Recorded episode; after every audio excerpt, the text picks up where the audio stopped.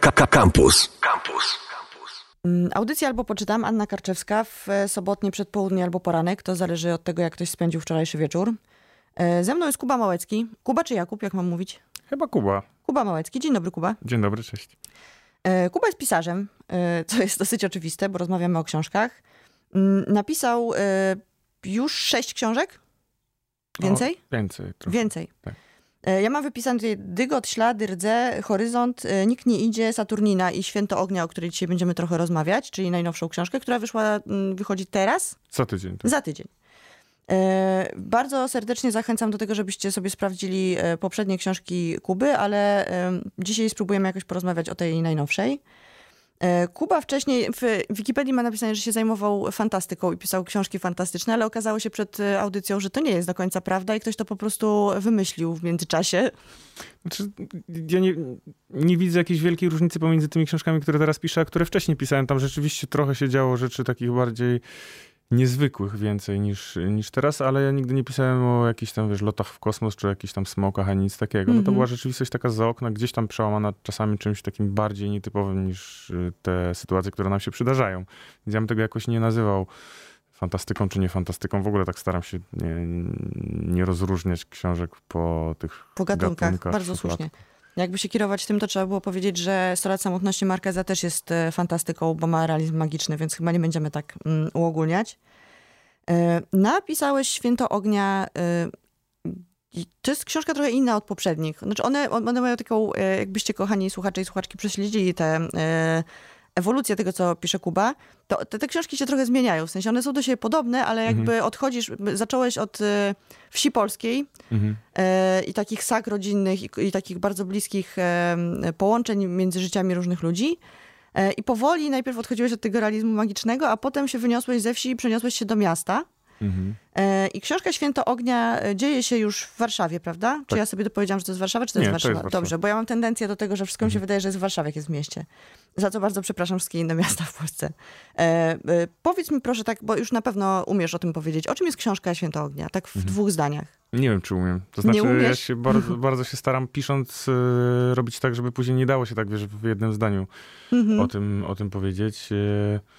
E, e, tą książkę też pisałem dosyć długo. Najpierw ją napisałem i całą e, wyrzuciłem do kosza i dopiero druga jej wersja była Wyrzuciłeś całą książkę do kosza? tak, tak, tak. Ale to też nie była pierwsza sytuacja w moim życiu, więc jakby ja jestem przyzwyczajony do tego, że bardzo dużo tekstu y, usuwam, zmieniam, Okej. wyrzucam. E, to już mi się zdarzało.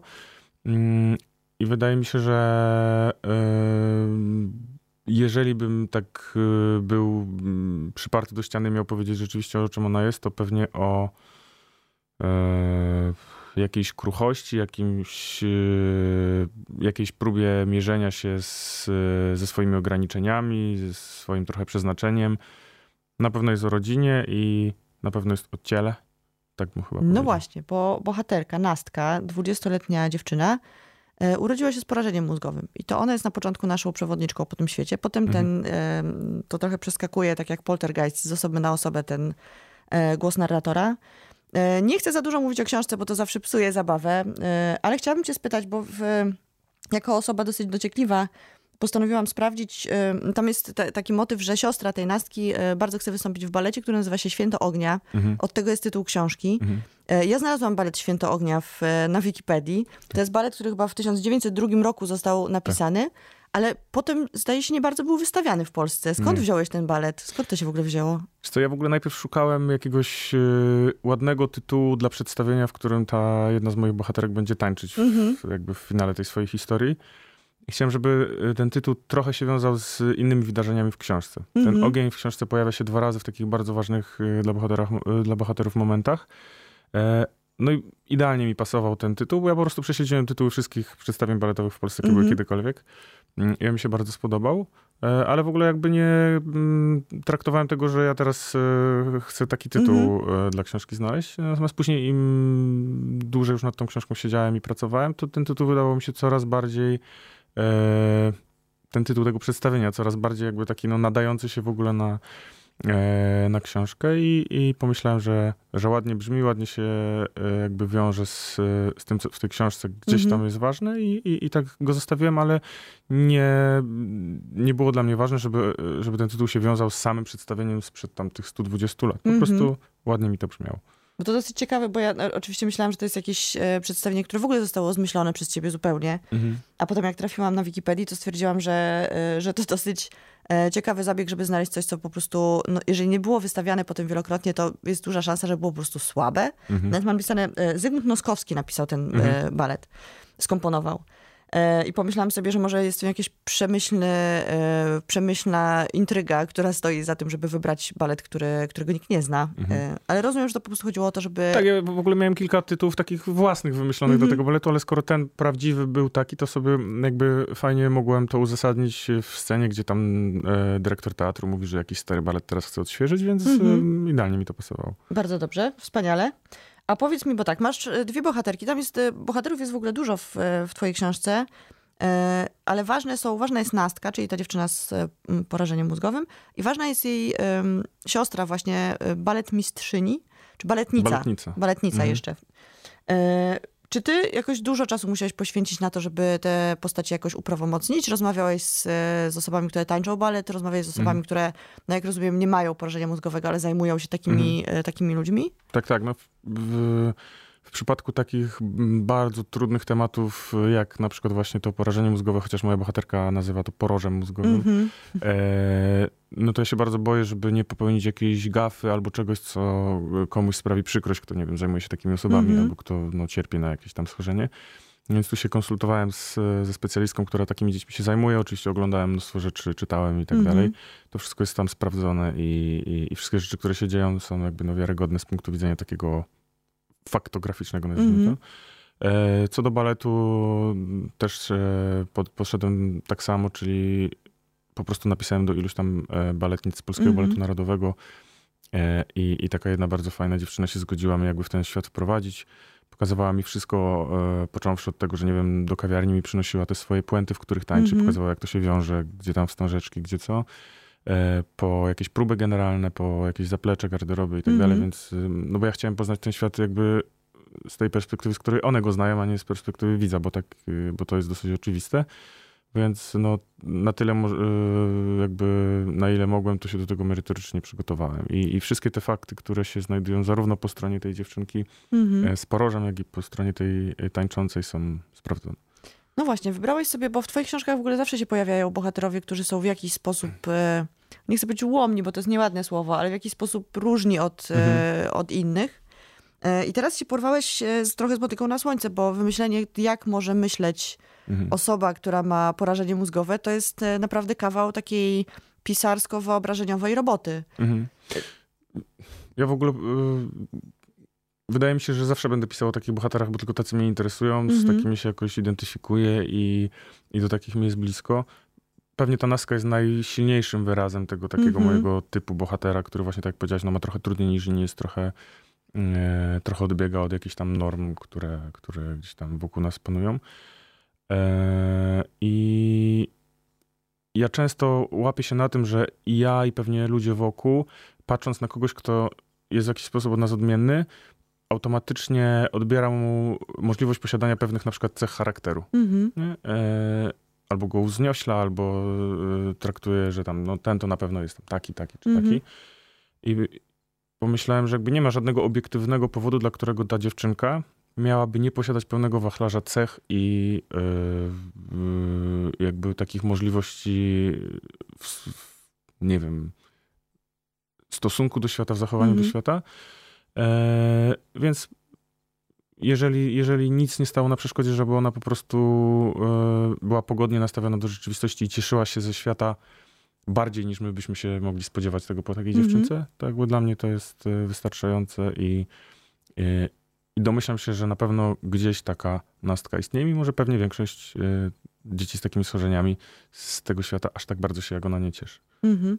No właśnie, to jest dosyć niezwykłe, bo to jest bohaterka, która, tak jak powiedziałeś, cieszy się ze świata, jest bardzo Mhm. pozytywnie nastawiona. Jest też, e, brzydko jest powiedzieć, że to jest wygodny sposób narracji, ale też jest taką osobą, która obserwuje. Ona z mhm. racji tego, że jest unieruchomiona, czy bardzo niesprawna fizycznie, poddana cały czas opiece i też całe te dni spędza obserwując innych dookoła. E, I to jest e, dla ciebie takie e, ładne pole do tego, żeby mm, opisać wszystko, co się dzieje dookoła niej, tych ludzi, którzy są wokół niej. Mhm. Tę panią, która siedzi w oknie i pali papierosy i zawsze jest jakoś fantazyjnie ubrana, z którą się jakoś potem jej los wiąże. Zakochuje się i też ma taką umiejętność, ja się trochę nie zgadzam, że w, w twojej książce nie ma tego realizmu magicznego, że już został mhm. wy, wypchnięty, mhm E, no bo jednak e, ona ma jakieś takie cechy takiego nadnarratora nad tymi mhm. swoimi mhm. współbohaterami. Zastanawiam się, jak ludzie to e, będą odbierać tę postać, dlatego że dla mnie nawet czytanie, do czego się przyznaję, bo, bo tak, nawet czytanie o takiej postaci było trudne, mhm. bo, bo jednak mimo wszystko bardzo dużo osób ma lęk przed tego typu schorzeniami czy dysfunkcjami. Mhm. E, no bo to już jest coś, co wyklucza trochę komunikację z tą osobą, prawda? Bo ona się porozumiewa za pomocą tam klawiatury, e, tak. na której pisze i jakichś nieartykułowanych e, dźwięków, które w zasadzie rozumie, rozumie tylko jej siostra, z którą ma po prostu głęboką więź psychiczną. I ja miałam na początku, jak zaczęłam czytać tę książkę, taki, zaczęłam czytać, tak sobie myślę, o mój Boże, jak to będzie całe z perspektywy tej dziewczynki, to mm. ja mhm. nie wiem, czy ja dam radę to przeczytać. E, więc zastanawiam się, czy, czy czytelniczki i czytelnicy też będą mieli taki problem i, e, i też będą musieli e, przez to twoje pisarstwo się przełamać trochę do tego, żeby wejść mhm. po prostu w skórę i w głowę osoby chorej. E, no dobrze, to musimy teraz porozmawiać o, e, o tym, e, co pewnie nie będzie dla ciebie bardzo komfortowe, bo już hmm. rozmawialiśmy chwilę przed, przed mhm. audycją, hmm. czyli o, twoi, o odbiorze twoich książek przez ludzi. Bo ja sobie hmm. wypisałam, no ta książka jeszcze nie wyszła, więc jak mhm. rozumiem, te osoby, które przeczytały, mają, nie wiem, jakieś egzemplarze recenzenckie. Nie, wiesz co, od chyba tam półtora tygodnia już niektóre księgarnie wysyłały tą książkę, więc wielu czytelników takich, którzy, którzy zamawiali Eee, już mogli Na początku to już, to, już, to już on dostali. No więc już na, na Lubimy Czytać jest e, ileś tam recenzji. Ja sobie wypisałam e, kilka dosłownie takich e, króciutkich sformułowań. Ja muszę przyznać, że nigdy w życiu nie czytałem swoich recenzji na Lubimy Czytać. No właśnie, o tym też e, rozmawialiśmy przed, e, przed chwilą, ale to jeszcze do tego wrócimy. Więc jest tak, e, czytając książki Małeckiego obcuje się z nienachalną idealnością. Na przykład masz taką recenzję. Okay. Bardzo mi się podoba zestawienie nienachalnej mhm. idealności. Potrafi w jednym zdaniu uchwycić ulotne momenty pełne znaczeń i uczuć. E, zbieram serce e, pokruszone małecką prozą. W ogóle okazało mhm. się, że jest hashtag małeckość. Nie wiem, czy słyszałeś o no, tym. No ostatnio się dowiedziałem, tak. Nie wiem, co o tym myśleć, ale... Znaczy bardzo ale... dobrze, każdy by chciał mieć swój własny hashtag. E, I ostatni, Kuba Małecki jak zwykle zachwyca. Piękna historia, czyta, która chwyta za serce. I widziałam też, czytając recenzje poprzednich twoich książek, że ludzie bardzo emocjonalnie podchodzą do tego, co mhm. czytają. Że to jest trochę tak, że masz takich die hard fans, mhm. że, że jak ktoś już przeczyta jedną twoją książkę, to po prostu potem w te, mhm. w te książki idzie. I zastanawiam się, czy to jest e, kwestia jakiejś specyficznej wrażliwości, którą ty masz, bo ty się zajmujesz w swoich książkach w zasadzie głównie relacjami międzyludzkimi, bo tam mhm. historia jest zawsze jakby w tych pierwszych książkach, ja przyznaję się, że czytałam tylko Dygot i, i Rdze wcześniej e, i teraz Święto Ognia. E, I tam było jednak dużo tych, jakby ta historia, która się działa dookoła bohaterów, ta historia Polski mhm. i tak dalej, miała jakiś wpływ na nich, ale tak naprawdę clue całych tych historii to jest to, co się dzieje między bohaterami. Czy to mhm. jest to, co ciebie najbardziej interesuje? No tak, zdecydowanie. Mnie kompletnie nie interesuje ani historia Polski, ani balet, ani Afganistan, ani wiesz, y, wszystkie te rzeczy, które towarzyszą bohaterom i jakby budują ich gdzieś tam mhm. e, w tle. E, bo ja nie chcę pisać książki o balecie, tylko ja chcę pisać książkę o dziewczynie, która, nie wiem, bardzo chce, żeby jej ojciec powiesił sobie jej zdjęcie na mhm. ścianie obok zdjęcia e, drugiej córeczki. I te wszystkie rzeczy, które ja e, poznaję, te światy i tak dalej, no to one mi służą do tego, żeby właśnie ten, ten świat w książce przedstawić jak najbardziej wiarygodnie. Ale tak jak powiedziałeś, mi tak naprawdę najbardziej zależy na tym, żeby, mm, żeby opowiadać o tych bohaterach i wiem, że na pewno te wszystkie książki mają jakiś tam wspólny mianownik, tak jak mhm. E, wcześniej zauważyłaś i na początku jakoś zastanawiałem się, czy to dobrze, czy to źle ale wiem, że no tak po prostu patrzę na świat, nie mam jakby drugiego siebie, żeby, żeby mm. oceniać świat inaczej, obserwować świat inaczej. I nawet pomyślałem, że gdybym na siłę próbował uciec od tego spo, swojego sposobu opowiadania historii, na przykład napisałbym, tak wcześniej rozmawialiśmy o tej fantastyce, napisałbym książkę o, nie wiem, o tym, że Polacy lecą w kosmos, żeby tam się bić z jakimiś y, ufolutkami, mm-hmm. to pewnie w mojej książce skończyłoby się na tym, że przez 300 stron jacyś starsi kosmonauci by siedzieli w kuchni i pili herbatę i ze sobą rozmawiali. Nie byłoby żadnego kosmity, bo po prostu ja tak, tak na to patrzę i i trochę się z tym pogodziłem i nie jakby nie mam nic przeciwko, jeżeli ktoś powie, że w większości moich książek panuje podobny nastrój, czy podobna atmosfera, czy, czy zazwyczaj ciągnie mnie do akurat takich bohaterów właśnie troszeczkę ułomnych, troszeczkę mm, pozostających na jakimś marginesie, bo tak po prostu mam. No ja kiedyś miałam taką rozmowę z, mm, jak usłyszałam, że, już nie pamiętam w jakimś chyba wywiadzie, e, ktoś powiedział, że Szczepan Twardok zawsze pisze, cały czas pisze jedną książkę mhm. i powiedział to jako zarzut. E, a ja mhm. sobie wtedy pomyślałam, że to jest wielki plus pisarza, że potrafi być konsekwentny w tym, co pisze mhm. i właśnie nie skacze między, nie wiem, nie napisze raz kryminału, raz romansu, raz horroru, tylko po to, mhm. żeby pokazać, że nie wiem, potrafi żonglować wieloma piłeczkami. No, to jest po moich, wierny sobie. Większość moich ulubionych pisarek i pisarzek, sobie tak myślę teraz o moim regale w, w domu, to, no jak, to o nich wszystkich pewnie to można byłoby powiedzieć, nie? Mm -hmm. Jak z Cormaca McCarthy'ego z jednej książki byś przykleiła akapit do innej, to pewnie byś się nie, byś się nie zorientowała, nie? I e, ja też nigdy nie uważałem tego za, mm, za jakiś zarzut. Natomiast rzeczywiście też się zdziwiłem, a propos tego, o co pytałaś wcześniej, że, że ci ludzie, którzy mm, przychodzą, nie wiem, na przykład na moje spotkania autorskie, dla nich te książki są jakby czymś więcej niż książkami. Mm -hmm. Byłem dwa dni temu w bibliotece w Warszawie, w Rembertowie na spotkaniu i była tam pani, która była na moim spotkaniu już po raz ósmy. Nie? Mm -hmm. Tylko jakaś tam czytelniczka i sobie myślę, kurczę, no rozumiem, że na przykład, nie wiem, dwa razy ktoś by poszedł z ciekawości, nie? Ale ósmy raz przyszedł pewnie te same żarty tam wrzucam mm -hmm. i tak mhm. dalej. E, i, I wiele mam takich, e, takich doświadczeń, że ktoś jedzie, nie wiem, teraz byłem na festiwalu literackim w Sopocie, ktoś jechał, nie wiem, 12,5 godziny bez miejscówki pociągiem, nie? W jedną stronę i to mnie zawsze zdumiewa, a z drugiej strony właśnie już tyle miałem takich sytuacji, że, y, że tworzy się coś takiego, mm, że nie wiem jak to, jak to określić, e, ale właśnie, że tak jakby mam wrażenie, że mm, no, że dla, dla niektórych z tych czytelników te, te historie są jakieś takie bardzo osobiste, pewnie tak jak dla mnie. Nie? No właśnie, bo też rozmawialiśmy przez chwilę, e, ja teraz też będę paliła po prostu rzeczy, które już wcześniej e, omówiliśmy, ale mhm. jakby jestem tego bardzo ciekawa. Powiedziałeś, że starasz się nie czytać swoich recenzji, mhm. tych takich kry krytyckich recenzji, w sensie tych, mhm. którzy piszą e, mhm. krytycy literatury i krytyczki, Ale właśnie uświadomiłem sobie, jak zapytałaś o to lubimy czytać, że też nigdy tam, tam nie wchodziłem na przykład. Nie? A to chyba jest, taki najpopularniejszy portal z takimi opiniami czytelników. Nie? Tak, tylko widzisz, pytanie jest takie, po co się pisze, no bo jeżeli się pisze po to, żeby komuś mhm. się podobało, no to jest zupełnie inny rodzaj pisania niż takie pisanie mhm. z potrzeby serca. Mhm. Wiem, że to brzmi trochę górnolotnie, ale to prawda.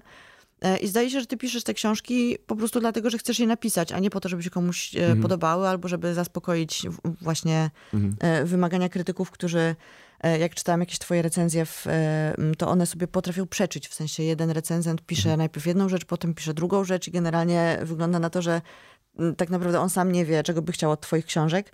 A ludzie, jak przeczytałam, ludzie, czytelniczki i czytelnicy, są bardzo zgodni co do tego, że twoje książki po prostu są dla nich ważne. I to jest, mhm. wiesz, takie coś E, co powoduje, że chciałoby się spytać e, tak naprawdę, czy jest sens pisać pod krytykę literacką, czy jest e, sens pisać wyłącznie pod to, żeby mhm.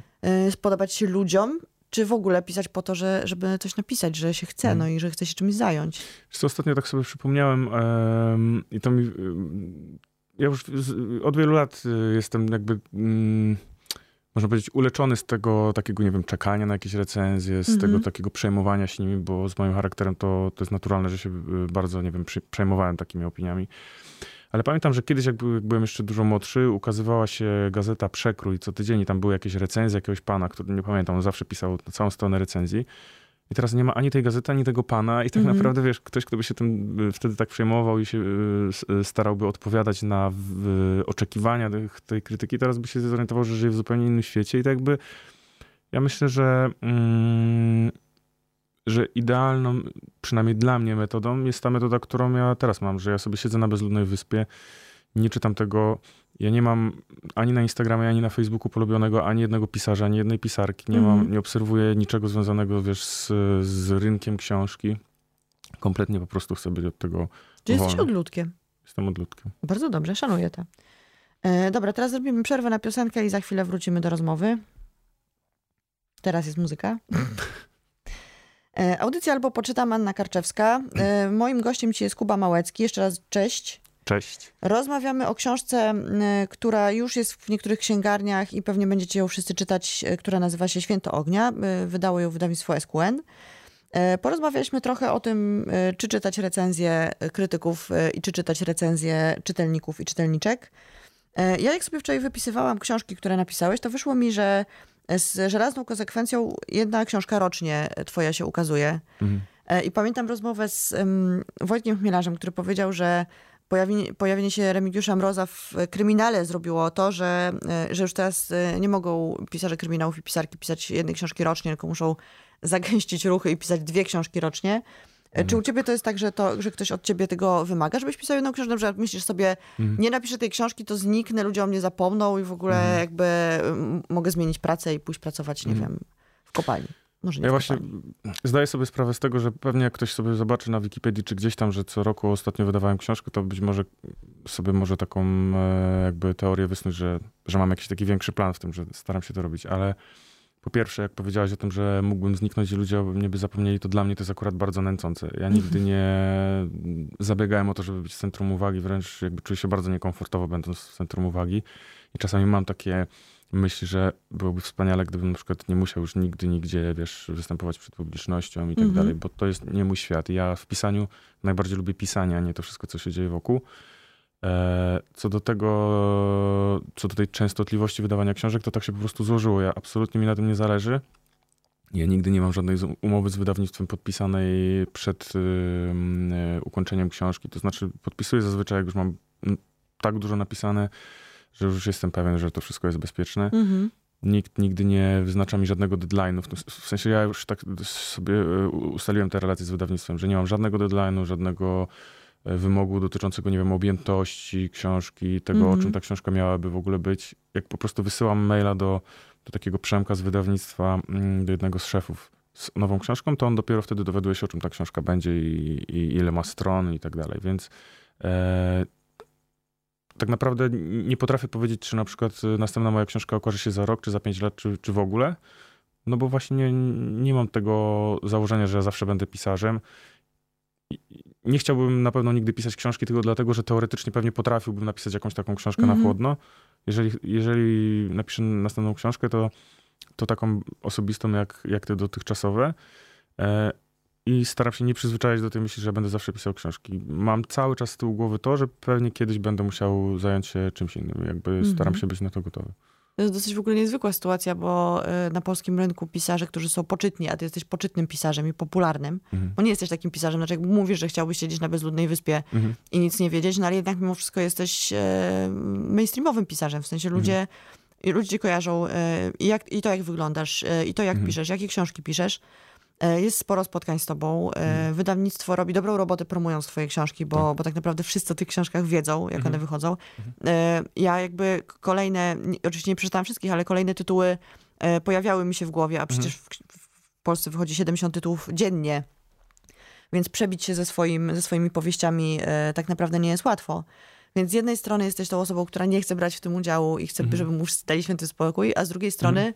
Znaczy, e, jesteś nie, to... bardzo rozpoznawalny. Mhm. To jest taki trochę, nie wiem, nie męczycie to trochę? To znaczy, to nie jest tak, że ja na przykład bym nie chciał teraz tego wszystkiego mieć. To, mówię o tym, że czasami mi się pojawia taka myśl, że, mhm. że, że ja wiem, że to nie jest dla mnie, że to nie jest jakby mój...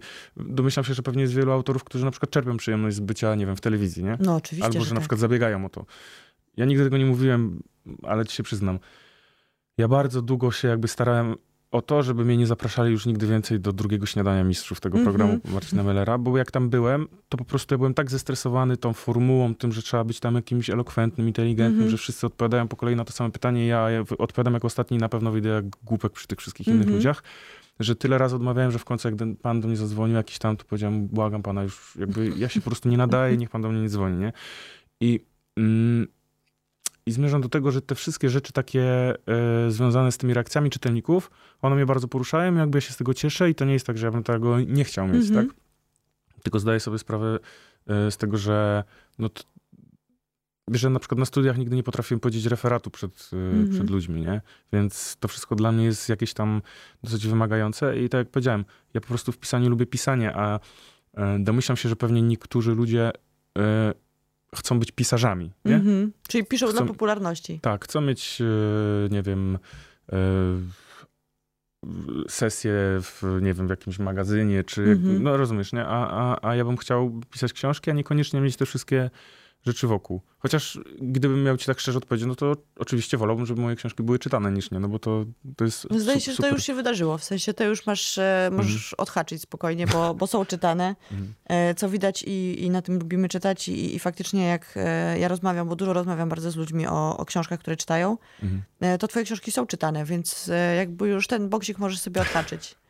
My, myślę, że może teraz swobodnie marudzić, że nie chcesz chodzić do programów telewizyjnych, Chociaż wiem, że są w Polsce pisarze, którzy tak naprawdę e, równie dobrze mogli być e, gwiazdami estrady, bo to, co ich tak naprawdę najbardziej drive'uje i co im najbardziej odpowiada, mhm. to jest ten, ta miłość publiczności mhm. E, i te emocje i w ogóle to uwielbienie i to, że trzeba rozdawać autografy albo na książkach, albo na różnych częściach ciała. Ale wiesz, I że przykład... to jest dla nich super i to jest w zasadzie chyba najważniejsze w tym mhm. wszystkim. Ja się zastanawiałem i ciekaw jestem, jaka by była odpowiedź. Oczywiście nikt mi jej nie udzieli. Ale ilu autorów w Polsce, tych takich, wiesz, gdzieś tam super popularnych, albo, albo wręcz przeciwnie, mhm. którzy nie mają tej popularności, zgodziłoby się, gdyby im jakiś tam, wiesz, duszek powiedział, że słuchaj, możesz być pisarzem i nie musisz pisać książek. Mhm. Wiesz? To ciekawe pytanie. Albo możesz w, za dotknięciem czarodziejskiej różdżki zmienić się z pisarza w gwiazdę roka na przykład i czy by odpuścili to pisanie. No, no. E, bardzo się cieszę, że powiedziałeś o tym, że, że jesteś pisarzem i lubisz e, proces pisania. To jest dosyć, e, wydaje mi się, niezwykłe jednak mimo wszystko na polskim rynku. Myślę, że to też jest trochę, mm, nie wiem czy podstawa, no ale jakiś tam powód, dla którego ludzie tak tym twoim książkom, książkom wierzą, bo jeżeli ktoś mm. pisze coś szczerze mm. i nie robi tego po to, żeby poruszyć, nie wiem, jakieś konkretne emocje, bo są książki, które ja ich akurat bardzo nie lubię i mam na nie uczulenie, E, są też takie filmy, które są robione po to, żeby wzbudzić konkretne emocje. I ja czuję, mhm. że czytam książkę, w której ktoś mnie oszukuje po prostu, tak. bo wiem, że teraz pojawi się już ten przysłowiowy piesek potrącony po prostu mhm. przez samochód, którym jedzie, nie wiem, chora dziewczynka, której mama, nie wiem, zmarła na raka dwa lata temu. I ja wtedy czuję, że ktoś mnie chce nabrać i oszukać e, mhm. emocjami. E, a widać po reakcjach twoich czytelniczek i czytelników, że oni ci wierzą po prostu, że jak ty coś napiszesz, jakąś książkę, to że to jest szczere i oni to też odbierają w taki bardzo emocjonalny sposób. Co właśnie widać po tych recenzjach, których nie czytasz, mhm. że tam jednak e, jest bardzo mało. Być może tak, tak jest w ogóle na Lubimy Czytać. Ja nie wiem, innych e, recenzji raczej nie czytam. E, w sensie innych recenzji, innych książek mhm. Lubimy Czytać. Mm, ale tam nie ma dużo o języku, o nie wiem, warsztacie pisarskim mhm. twoim i tak dalej. Tam są czyste emocje po prostu mhm. i to jest dosyć niezwykłe, mam wrażenie.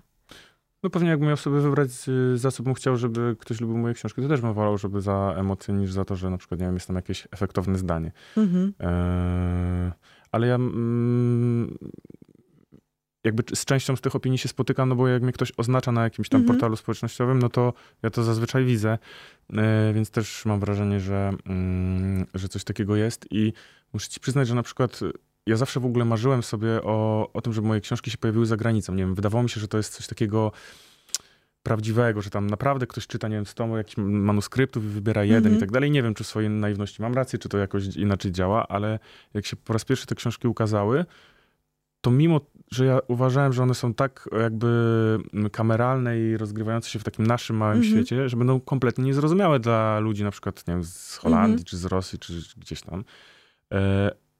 A po tych opiniach i po tym, jak dostaję tam jakieś raporty sprzedażowe od tych mhm. wydawców, to jakby widać, że chyba właśnie im bardziej zależy na tym, że się identyfikują z jakimś bohaterem, a nie z tym, że tam, nie wiem, było mięso na kartki, może niekoniecznie rozumieją, o co to w ogóle mhm. chodzi z tym, nie? Więc to tym byłem też bardzo zaskoczony, że dla bardzo wielu czytelników okazało się ważne to samo, co dla mnie było ważne, nie? No wiesz, emocje jest, e, tak naprawdę są e, takim językiem, który jest absolutnie uniwersalny i tak jak powiedziałeś, że możesz napisać książkę, co wydaje mi się być ciekawym pomysłem, mhm. napisać książkę o tym, że Polacy lecą w kosmos i tłuką się z ufolotkami, mhm. E, to możesz dowolnie zmieniać jakby scenografię swoich książek, mhm. w sensie to jak w teatrze możesz odsuwać tak. po prostu kolejne plansze, no ale to, o czym piszesz tak naprawdę, czyli te emocje, połączenia między ludźmi i też jedna ważna rzecz, czyli połączenie w czasie różnych historii. To, że, że jak coś się wydarzyło dawno temu, to absolutnie ma wpływ na to, co się dzieje mhm. teraz i że mhm. E, jakby ta, nie chcę powiedzieć, że traumy sobie przekazujemy, bo to źle brzmi, e, ale jakiś taki zbiór emocji e, i przeżyć, które są w naszych babciach, dziadkach i tak dalej, ma wpływ na to, jak się mm, czujemy teraz. Mhm. I to jest chyba uniwersalne. To równie dobrze możesz napisać właśnie, nie wiem, o smokach i tak dalej, ale to zostanie. Tak, tak. E, więc myślę, że swobodnie mogą twoje książki wychodzić w Europie, tłumaczone na inne języki, e, bo to i tak zostanie, bo jest e, najważniejsze w tych książkach. Powiedz mi jeszcze jedną rzecz, bo mnie to zainteresowało. Powiedziałeś o półce e, swoimi ulubionymi pisarkami i pisarzami, to teraz się musisz wypróć, kto tam stoi jeszcze oprócz Jasne. McCarthy'ego. No ostatnio odkryłem, trudno nazwać to odkryciem, no bo to jest bardzo znany pisarz, ale ja go nigdy wcześniej nie znałem. A teraz go czytam z wielką namiętnością i to jest William Faulkner. Mhm. Mm, To Szostak się ostatnio też przyznał do tego, że Mhm. zaczął czytać Faulknera i że Mhm. jest zachwycony. No, ta nasza fascynacja jest chyba taka, e, zbiegła się w czasie, bo Mhm. ja kiedyś e, byłem u niego i byłem po kilku książkach Faulknera i się okazało, że on też jest i nawet mi pożyczył jedną, która akurat na mnie e, największe wrażenie zrobiła, czyli Światło w sierpniu. E, oprócz tego, jakbym takiego miał ulubionego w ogóle ever z, Mhm. ze swoich wszystkich, to, to będzie Joseph Conrad. Chociaż Mhm. wiadomo, że nie wszystkie książki teraz się bronią, bo są czasami już z perspektywy dzisiejszego czytelnika takie trochę e, anachroniczne. E, tak próbuję sobie tak zwizualizować, co tam jeszcze stoi. Co stoi na półce? E, prawie wszystkie Steinbecki, bo kiedyś miałem na niego wielką, Mhm. wielką fazę i, i, i dalej bardzo, bardzo lubię te takie największe, czyli Myszy i Ludzie, czy Grona Gniewu, czy Na wschód od Edenu. E, z takich... E, a, jeszcze e, w tym roku byłem absolutnie zafascynowany facetem, którego też jakby wcześniej nie znałem, czyli tym japońskim pisarzem Yukio Mishimą. Mhm. Przeczytałem jego czterotomowe takie to dzieło życia, ono chyba nigdy po polsku się nie ukazało, e, o prawniku z Japonii, który w każdym kolejnym tomie po, poznaje kolejną reinkarnację swojego przyjaciela z młodości. Mhm. I to jest jedyny jakby taki ponadnaturalny pomysł w tej książce. Wszystko jest poza tym realistyczne, bardzo odważnie napisane, wspaniale z taką pisarską werwą i, i, i to na mnie zrobiło olbrzymie wrażenie. I, w- i, I w sumie ostatnio to tylko takie rzeczy sprzed 100 lat Mhm. czytam, jakoś mnie ciągnie do tych światów, które są najbardziej odległe od tego naszego. Praktycznie w ogóle nie czytam takiej współczesnej literatury. Z takim jednym wyjątkiem, bo uwielbiam tego Davida Fostera Wallace'a. Mhm. E, też trudno powiedzieć, że jest współczesny, bo tam on tę książkę wydał 25 lat temu Mhm. chyba ostatnią. Mm, Ale ostatnio przeczytałem e, w oryginale to Infinite Jest, czyli ponad tysiąc stronicową O mój Boże, taką. przeczytałeś to? Przeczytałem to, no. Aż sam, się, aż sam się zdziwiłem, że to przeczytałem. Nie, nie. E, bo próbowałem to przeczytać 6 chyba lat temu, kupiłem sobie podczas jakiejś podróży zagranicznej i byłem e, na tych wakacjach z żoną i ze szwagrem moim i oni widzieli, że cały dzień czytam to, tego Wallace'a i pod koniec dnia już później się utarł taki żart, że oni mi pytali, ile stron przeczytałem ja im z pełną powagą odpowiedziałem, że na przykład, nie wiem, 18 albo 7 Mhm, po całym to jest czytania. gęsta proza, co? No, ja no, się nawet naprawdę. nie zabieram za to niestety. Poczekam na teraz, tłumaczenie. ale teraz się uparłem i przeczytałem i to jest nieprawdopodobne, nieprawdopodobne. Mam w głowie taki swój prywatny podział na jakby dwie grupy pisarzy i w jednej grupie jest David Foster Wallace, a w drugiej są wszyscy pozostali. No. Naprawdę on jakby nikt, nikt nie pisał tak jak on. Ja nie, nie oceniam, czy lepiej, czy gorzej, Mhm. ale e, od pierwszego zdania po prostu jak otworzysz tą książkę na dowolnej stronie, to tam po prostu pomyślisz sobie ja. Nie? Jakby Tak, to, jest prawda, nie... że on ma, e, on jest dosyć wyjątkowym pisarzem. Ja nie jestem jakąś wielką fanką, bo ja próbowałam czytać chyba trzy jego książki i przez to, że one są takie gęste, Mhm. to ja po prostu odpadam od nich bardzo często, Mhm. bo nie mam takiego właśnie czasu, żeby usiąść i spokojnie poświęcić się lekturze, raczej czytam w e, biegu. Mhm. E, Ale też e, dziwne jest to, że wszyscy pisarze, o których powiedziałeś, tak naprawdę mają e, dosyć podobny język, w takim sensie, że piszą bardzo oszczędnie, dosyć surowo i Mhm. tam tych emocji, o których ty piszesz w swoich książkach, jest, one są gdzieś tam bardzo głęboko pod powierzchnią.